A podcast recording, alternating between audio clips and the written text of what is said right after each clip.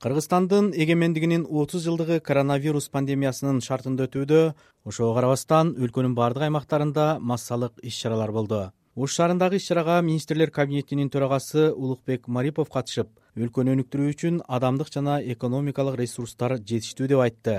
Ал эми ош жана жалал абаддын азаттыкка пикирин билдирген тургундары отуз жыл ичиндеги өзгөрүүлөр жана келечек тууралуу эмне дейт? Кыргызстан отуз жылда эң жетишкени бул орто азиядагы демократиялык аралчага айлана алды анткени сөз эркиндигине толук жетише алды десем болот. Ал эми отуз жылда кыргызстан эмнени жоготту отуз жылда кыргызстан өзүнүн экономикасын жакшы өстүрүп жетиштире алган жок. Анан кийин айыл чарбабызды өндүрүштү талкалап алдык. Келечекте дагы бир отуз жылдан кийин кыргызстан ушул темп менен кете турган болсо анда өкүнүчтүү абал күтөт деп ойлойм. Эгер чыныгы мекенчил инсандар келген болсо улуттун уулунун кызыкчылыгынан улуттун кызынын кызыкчылыгынан кыргыздын кызыкчылыгын өзүнүн кызыкчылыгынан өкмөттүн кызыкчылыгын жогору койгон мекенчил инсандар келгенде анда отуз жылда кыргызстан мындан да дүркүрөп өскөн жакшы мамлекетке айланарына ишенем. Отуз жылдан кийин эми азыр баардыгы баягындай э, баягы санариптик болуп атпайбы компьютерный депчи отуз жыл ичинде мен ойлойм эми баягы лос анджелесте дубайдай бир өлкөгө айлансак керек эми. Баягындай көп этаж многоэтажный үйлөр элитный үйлөр курулуп атат шаарларыбыз өнүгүп атат архитектура жактары дагы. Баягы жаштарыбызды дүйнө жүзүнөн көрөбүз деп ойлойм. Ээн эркин визасыз эле баягындай бир өлкө бир калк болуп.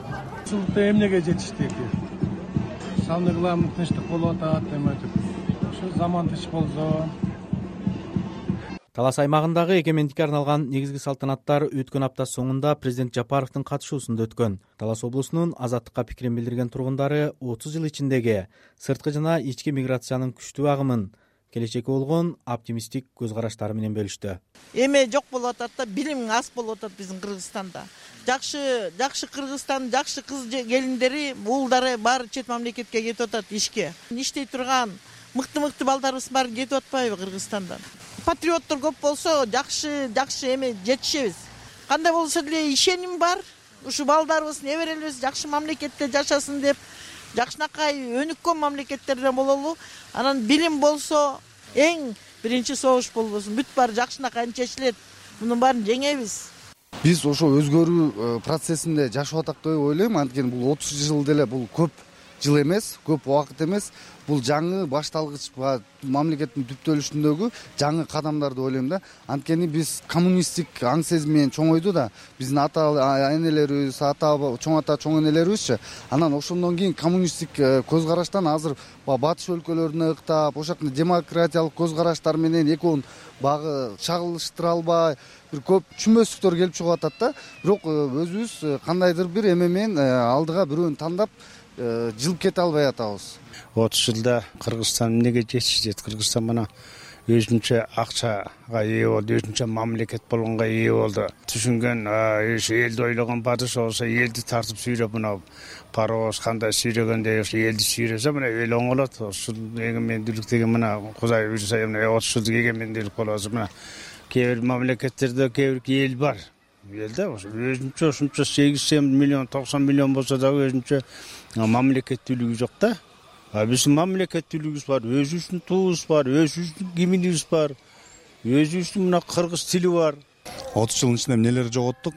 Эми аны айтыш кыйын эми билбейм.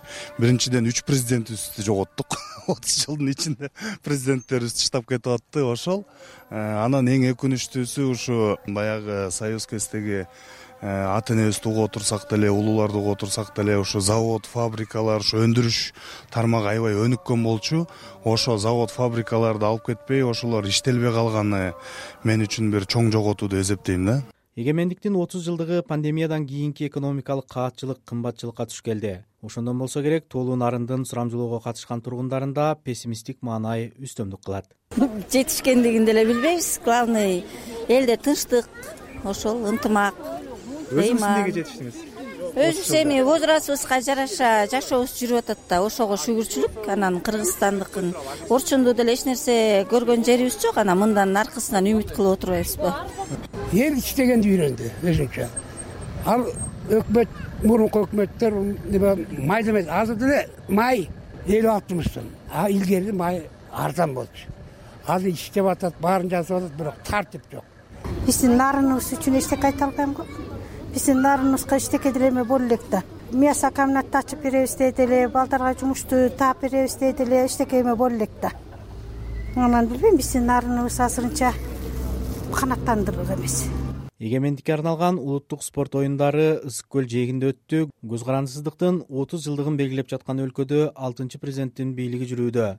Үч жолу бийлик күч менен алмашып соңкусу өткөн жылдын октябрында болгон калктын калың катмары жаңы бийликтен чоң өзгөрүүлөрдү күтүүдө